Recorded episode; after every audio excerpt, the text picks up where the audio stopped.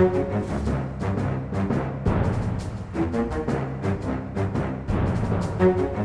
er god. Eh, Velkommen til Aftenpodden USA. Det er eh, tirsdag når vi spiller inn. Jeg, Lars Glomnes, sitter i Oslo på hjemmekontoret mitt i dag. Og du, Øystein Langberg, sitter i New York på hjemmekontoret ditt. God dag, god dag.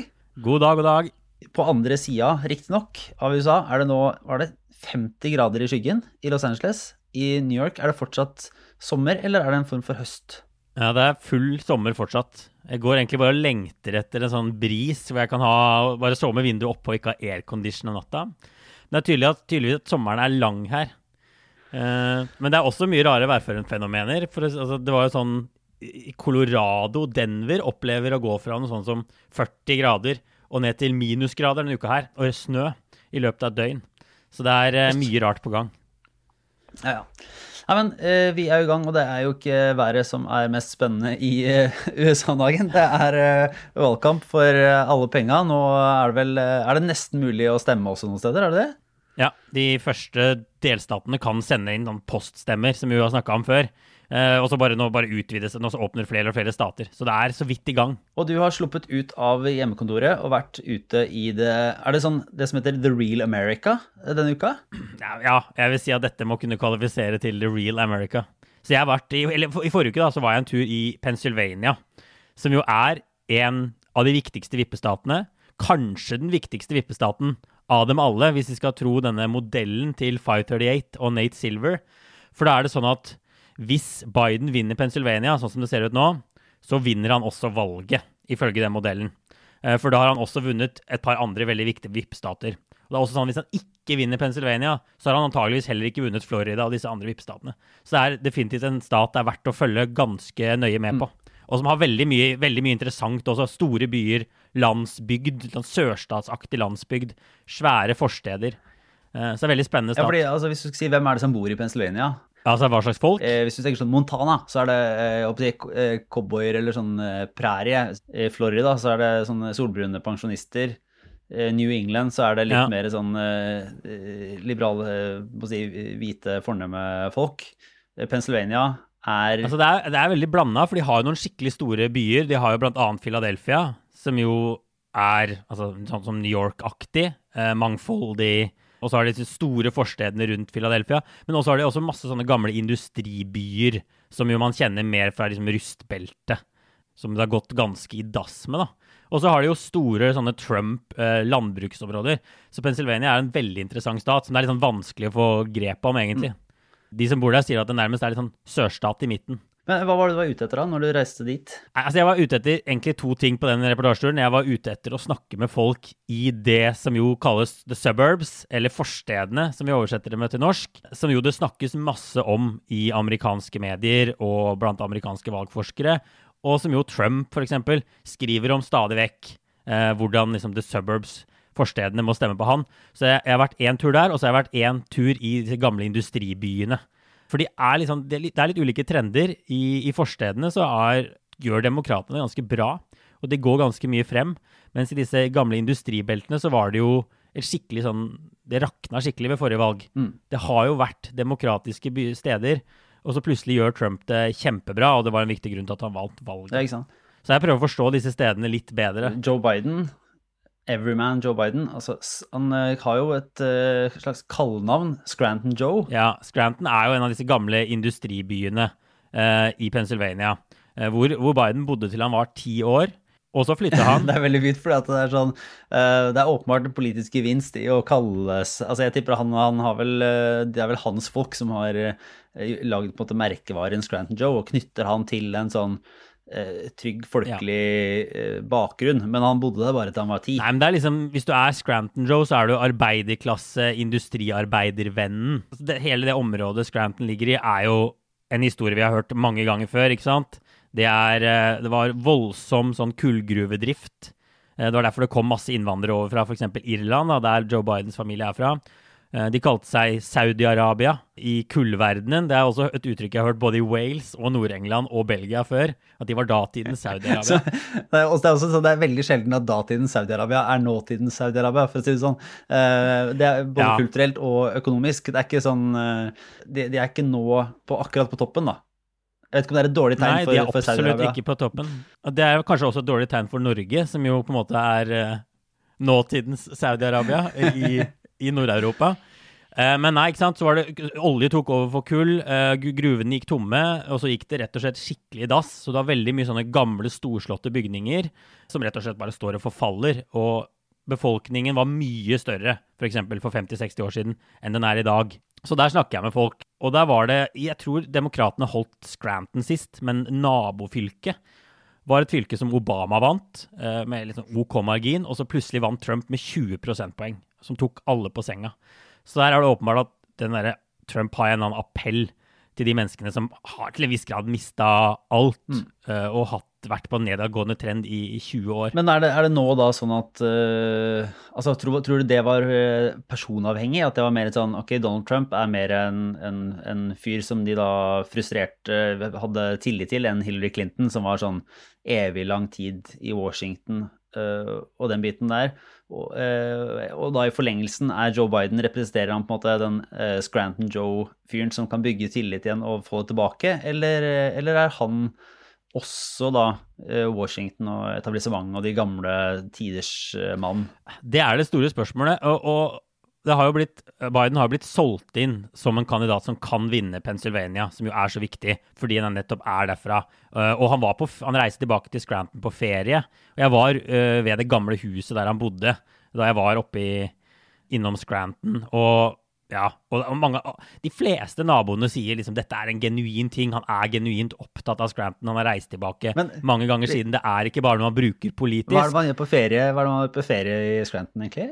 Nei, jeg tror, han, jeg, tror, jeg tror det var for å reise tilbake til venner og familie og sånn, som de hadde der fortsatt. Så det var liksom eh, Jeg vet ikke akkurat hva man gjør på ferie der, egentlig.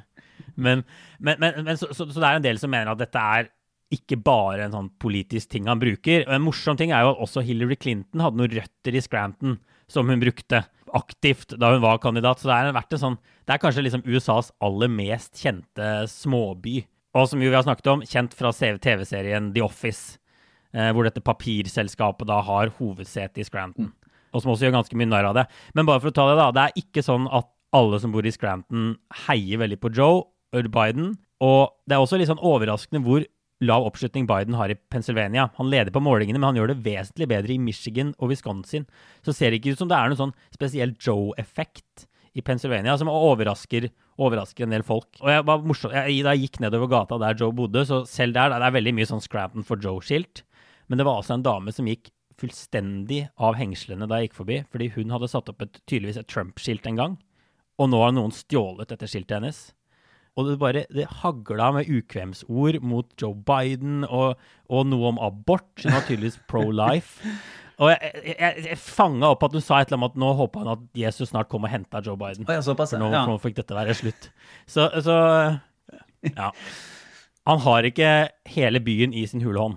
Men var det, var, det, altså, var det de samme områdene som, var, altså, som er forstedene som du også var i, eller var dette mer sånn eh, by, urban eller, eller hva skal si, landlig strøk? Ja, ikke sant? Dette er gammel industriby. eh, og der tror jeg det viktigste Joe Biden og demokratene kan håpe på, er nærmest å, å gjøre det likt som sist, kanskje gå litt frem.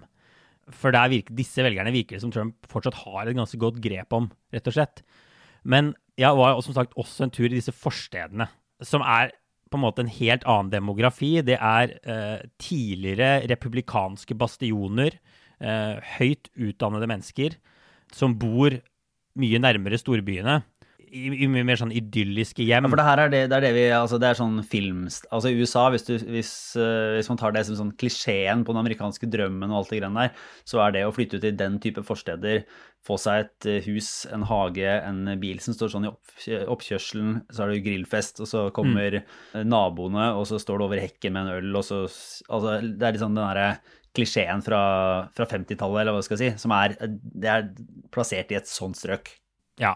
Den hvite, vellykkede kjernefamilien. Og som du sier, har vært en del av den amerikanske drømmen siden andre verdenskrig. Da, da, da mange hvite mennesker flytta ut av byene og ut til disse forstedene da de sånn, i stor grad ble etablert. Og det var jo bare en gruppe som republikanerne tok bare grep om, og har vunnet veldig mange valg på. Det var de som sikra republikanerne valgseire, eh, disse forstedene. Og de har vokst og vokst og vokst. Og i dag er det sånn at forstedene er den aller største velgergruppa.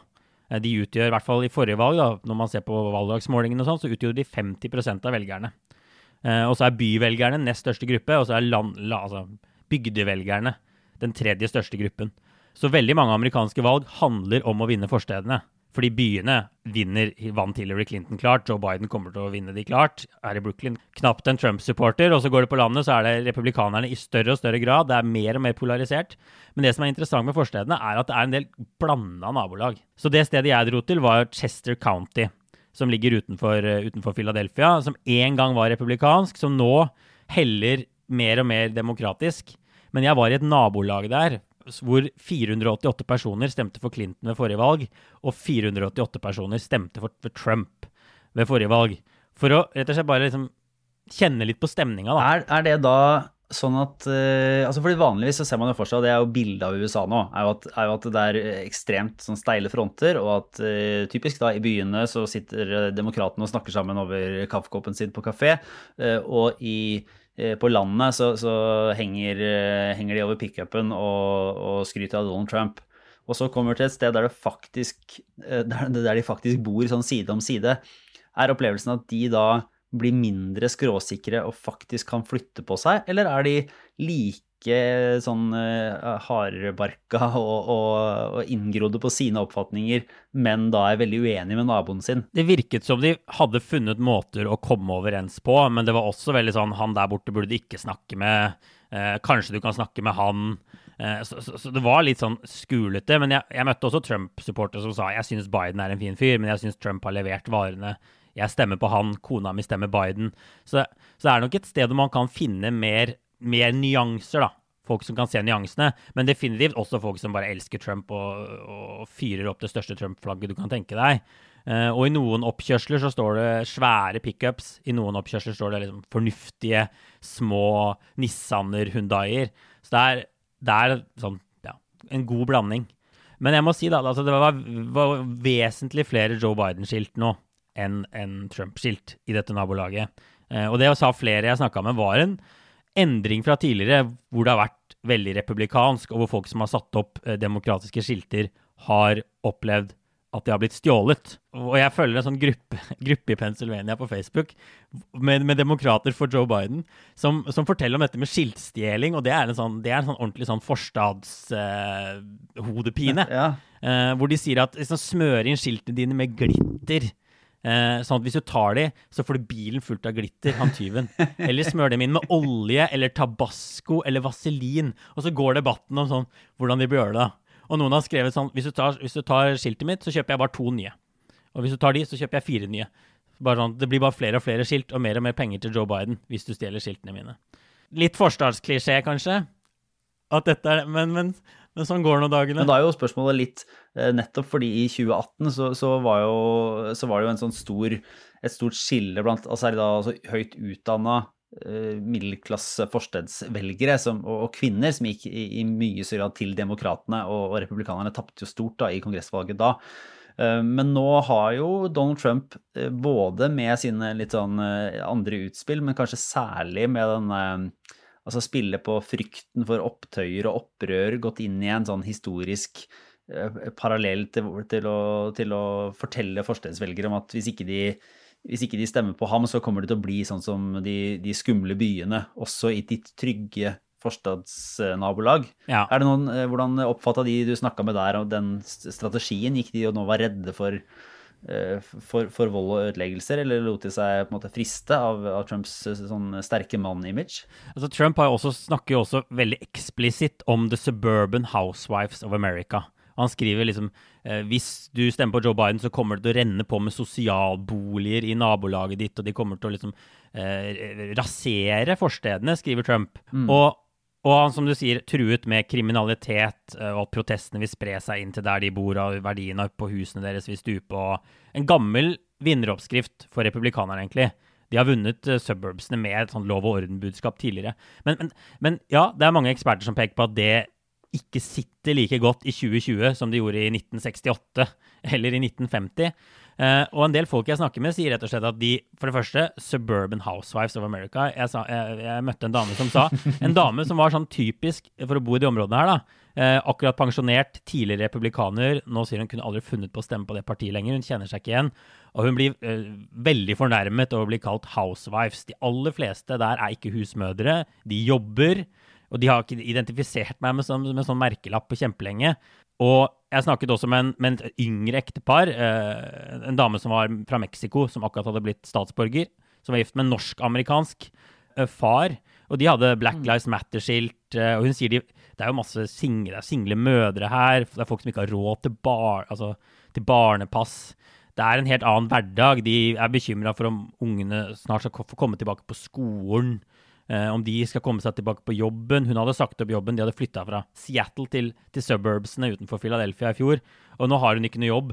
Så det er på en måte helt andre bekymringer, egentlig, blant de velgerne, enn nødvendigvis at protestene i, min, i, i Portland eh, og Kenosha skal liksom spre seg til det rolige nabolaget de bor i. Så per nå så ser det ikke ut som Trump treffer helt med det, med det budskapet. Og bare for, å, bare for å si det, han, han vant suburbsene og forstedene sist med noen få prosentpoeng over Clinton, ifølge Det er litt sånn ulike definisjoner av hva en forstad er og sånn. Men i, ifølge valgdagsmålingen så vant han med 4 prosentpoeng i 2016.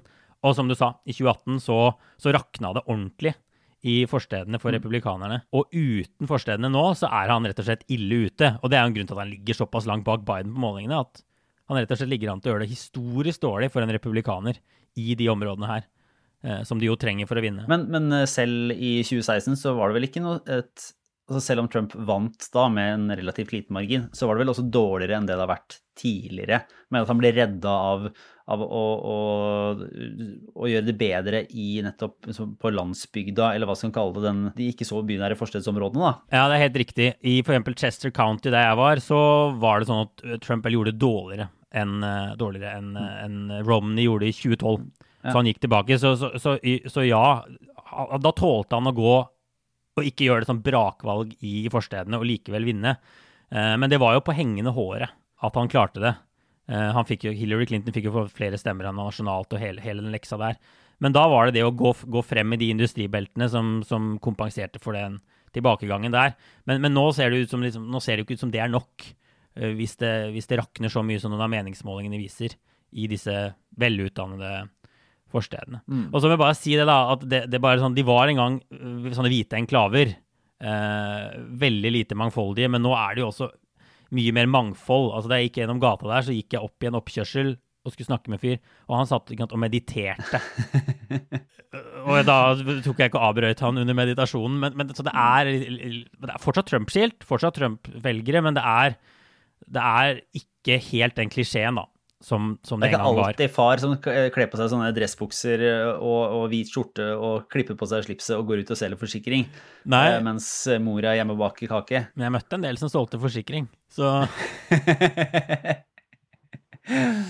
den, eh, ja, men det er vel Noe av det litt interessante er vel også den skillet som skjer i den amerikanske forstadssituasjonen, altså der det går fra, fra, noen som er de bynære forstedene med høyere utdannelse, til eh, på en måte de litt mer fjerne eller fattigere områdene som, som har eh, dårligere utdannelse, mindre eh, penger, kanskje på en måte trekkes mer mot landsbygda, selv om de jo i den ser veldig likt ut sånn, hva skal man si, i, i type boliger eller, eller, strøk å gjøre, da, eller i hvert fall sånn, si, organisering av livet. Det at, du, det at du ikke bor i by og ikke bor helt på landet. Ja, og og det er ikke sånn at eh, alle forsteder lenger bare er en middelklassedrøm. Det finnes skikkelig slitne hus. Det finnes uh, fattige familier som ikke får det til å gå rundt. Så forstedene er jo også et mye mer sånn blanda gruppe enn det en gang var. Så ja, så du har helt rett. Uh, altså, det, det, det, er ikke noe sånn klar, klar bilde av hva forstedene er. Uh, og det varierer litt fra meningsmåling til meningsmåling hva som inkluderes der også.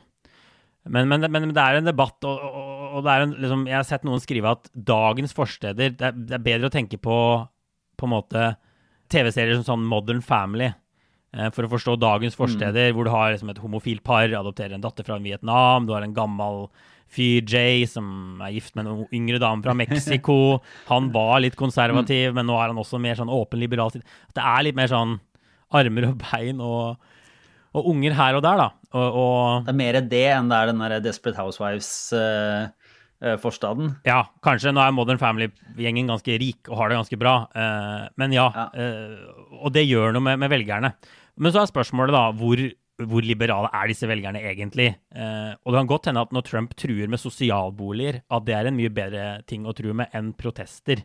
Eh, jeg ser noen peke på at de mm. har en sånn republikansk DNA, en del av disse velgerne. De var republikanere, de vil liksom ikke ha høyere skatt, og de vil ha budsjettunderskuddet ned, og de er økonomisk konservative, men så er de uh, ja, uh, verdimessig liberale. Ja, liksom. mm. ja, så de, de, kjøper ikke den der kulturkrigen som jo eh, en del republikanere elsker å holde på med. Betyr det at de på en måte er de som er mest mottakelige for det økonomiargumentet til Donald Trump? da? For det, er jo den andre biten som ligger der, og som, som Trump prøver å si at ja, men vi jeg, jeg måtte skapte så kaller han det da, tidenes beste økonomi og alt mulig rart, og så kom uh, pandemien og, og, knakk det, men jeg kan bygge det opp igjen. Er, er de mottakelige for den? De fleste jeg møtte, de, var, de, hadde liksom gitt opp det republikanske partiet for så lenge siden. fordi de, de, ser De sa vel at Trump kunne ikke vært president for noe som helst. Selv ikke nabolagsorganisasjonen, mm. på en måte. Så, så, de har gitt opp hele fyren. Men ja, altså jeg tror personlig at økonomiargumentet er Trumps beste argument. Og jeg må si, når jeg snakker med velgere, så er det sånn Ikke alle syns han har håndtert koronaviruset veldig bra, men de aller fleste er enig i den historiefortellingen om at det var en bra økonomi USA hadde, med lav ledighet, ganske god lønnsvekst i, i februar. Og du ser det på meningsmålingene også. Folk gir fortsatt Trump ganske god karakter for økonomihåndteringen. Så jeg tror veien hans tilbake i høst må være, må være et økonomiargument. Men det er selvfølgelig mm. altså det er Uh, masse velgere som har gitt opp Trump for lenge siden, uansett liksom, hvor bra denne økonomiske tilbakekomsten skulle bli de neste to månedene. Nettopp. Ja, jeg lurer på om vi går videre til en liten runde obligatorisk refleksjon. Og der har jeg noe som er veldig sånn tematisk riktig, uh, som, som, passer inn i dette her. Ja, Det har ikke jeg. så du får gå først. Nei, ja, Så jeg kan begynne. Nei, men fordi jeg har Det er egentlig et uttrykk som jeg har, som jeg har hørt om lenge, og aldri helt forstått nøyaktig hva er. Og det er fortsatt litt komplisert, men det er også snakk om, og særlig nå i, i debattene som har vært om, om på en måte rasisme i USA, og systematisk rasisme og, og strukturell rasisme. Og, så er det dette altså som redlining-begrepet, som handler om, om boligmarkedet som egentlig er den sånn strukturelle, ja, faktisk strukturelt systematisk rasisme som har påvirka bl.a. forstedene veldig, og byene veldig, siden 1930-tallet. Som, som, jeg har lest litt mer om nå. Jeg kan dele noen interessante saker både i nyhetsbrevet og på, på Facebook-sida som jeg egentlig ikke har vært klar over hvor eh, altså jeg har ikke vært klar over hvor dramatisk det var, og hvor konkret det var. Og det er jo da For å dra et kort liten, uh, liten historikk på det, så var det vel egentlig gjenoppbygginga etter den altså store, altså store, depresjonen på 30-tallet. Så var det jo da full stopp i noen år uh, i boligbygging, og, og, familier gikk jo eh, konkurs, hadde ikke penger. Og så var det da Roosevelts New Deal, som var egentlig et progressivt prosjekt for å, for å, bygge opp igjen USA og, og, bygge nedenfra og gi folk muligheten til å uh, eie sine egne boliger og, og, til å sette i gang storstilt bygging for at folk skal få hjem. Men også da i det nordlige USA, som jo ikke hadde den samme slavehistoria, og, og i nordstatene, så bygde seg da opp et system der man bl.a. gikk inn og eh, satte en karakter på ulike bydeler og områder i nærheten av byer i hele USA, og kategoriserte dem da med en sånn slags ja, vanlig karakter fra A til uh, D eller noe sånt, da, på hva som var en god bydel eller ikke, på hvem som skulle kunne ta opp lån for å bygge uh, Eller hvem som kunne få, altså få låneforsikring, da. Så, og der ble de karakterene i veldig stor grad, og helt eksplisitt, satt også på bakgrunn av hvem som bodde der. Så hvis det var måte et svart nabolag så fikk det da en lavere karakter enn det som typisk Hvis du snakker om de forstedene du prata om, men der, der, er mange, der det var forsikringsselgere og husmødre og to unger og en pai og en eh, bil, mm. så kunne de få karakter A. Og da var det lettere både for, for, for utbyggere og for andre å, å, å, utvikle de områdene. Mens eh, en da en, sånn industriarbeider i svart familie Eh, kunne føre til at, eh, at en sone ble gitt karakteren D, og da var det ikke Da ble det ikke bygd ut boliger på samme måte. Eh, det ble ikke gitt lån etter hvert. Og i Dette var jo en, en struktur som balla på seg, så man, man fikk jo da også sånn eksplisitte råd som sa at en sånn blanding av ulike folkegrupper, det var sett på som et eh, tegn på disharmoni. Mm og gjorde at da banker ikke skulle gi lån, at eh, statlige eh, hjelpeordninger ikke skulle gjelde. Og det var liksom helt rett ut på at var, her var det for mange svarte, de kan ikke få penger. Eh, og det førte jo da til en enorm sånn skjevfordeling som har vart i, ja, i snart 100 år, da. Ja. Og som jo er helt sikkert er en grunn til at når, man snakker om forsteder og sånn også, så og den amerikanske drømmen, så snakker mange om den hvite amerikanske drømmen, fordi det var jo veldig få svarte som fikk muligheten til å, å flytte ut og bygge seg et hus og, og la verdistigningen på en måte gi dem en kjempeformue utenfor byene.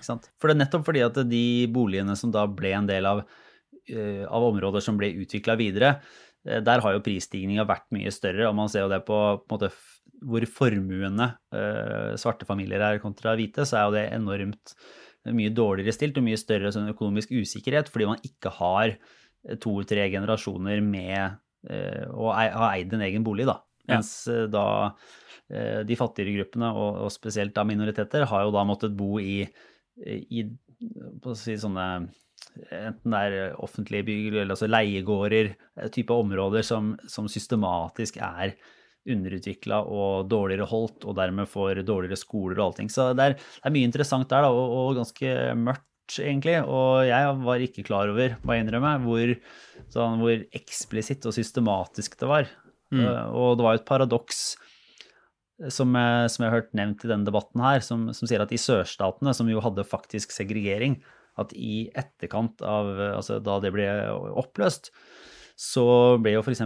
skoler mye lettere lettere å få, å få en blanding i. Fordi i sørstatene så kunne folk bo eh, bo sammen, mer eller mindre. Fordi at i hermetegn de hvite trengte ikke å forholde seg til at de svarte barna ville gå på den samme skolen uansett. Mm. Mens i nordstatene så måtte man måtte skape segregeringa gjennom å geografisk eh, la folk bo forskjellige steder, ha forskjellige skoler, ha ulike systemer. Og dermed var det mye vanskeligere i etterkant å foreta en en sammenslåing eller en flytting eller gjøre ting som gjør at de sosiale forskjellene skulle bli mindre. Da. Så sånn sett så du, er det mye sånn større mangfold i deler av sørstatene enn i, i deler i nord. Da. Mm. Så det er, det er jo en, eh, mye interessant skrevet om det, bl.a. i, i denne, dette 1619-prosjektet til New York Times. Men uh, men mye. Og ja, det er jo lett å se hvordan skjevheter eh, fortsetter. da. Åssen er det med deg? Du var ikke like uh, forstadsmessig orientert i din obligatoriske refleksjon sted? Nei, jeg har fått litt mye forstad den siste uka egentlig nå. jeg tenkte jeg kunne si noe om Vi har vært innom det før at Trump har noen fordeler inn i valgkampen fordi han er sittende president. Og en av fordelene han har hatt, er at han har hatt en mye større krigskasse, mye mer penger på bok enn Joe Biden. Og nå er spørsmålet er det fortsatt sånn. Antageligvis ikke, ifølge New York Times, som hadde en veldig fin sak eh, på trykk her om dagen om alle de pengene Trumps eh, valgkamp har svidd av på Jeg vet ikke. De kaller det, det de, de, sier vel meningsløse ting, litt. Eh, men også i hvert fall ting de ikke har fått noe ut av. De har brukt en vanvittig sum penger til nå, og ligger jo fortsatt 7,5 prosentpoeng eller noe bak Biden på målingene. Så det har åpenbart ikke vært noen kjempesuksess. Men, men, men, vi kan først si at Biden hadde en veldig veldig bra augustmåned når det kom til Ja, det var helt vanvitt, vanvittige tall, var det ikke altså flere hundre millioner jo, kroner? Jo, 365 millioner dollar, altså godt over 3 milliarder kroner, har han samla inn i august, som er bare en sånn tidenes innsamling i amerikansk politikk. Bedre, mye bedre enn Obamas beste måned noen gang, f.eks.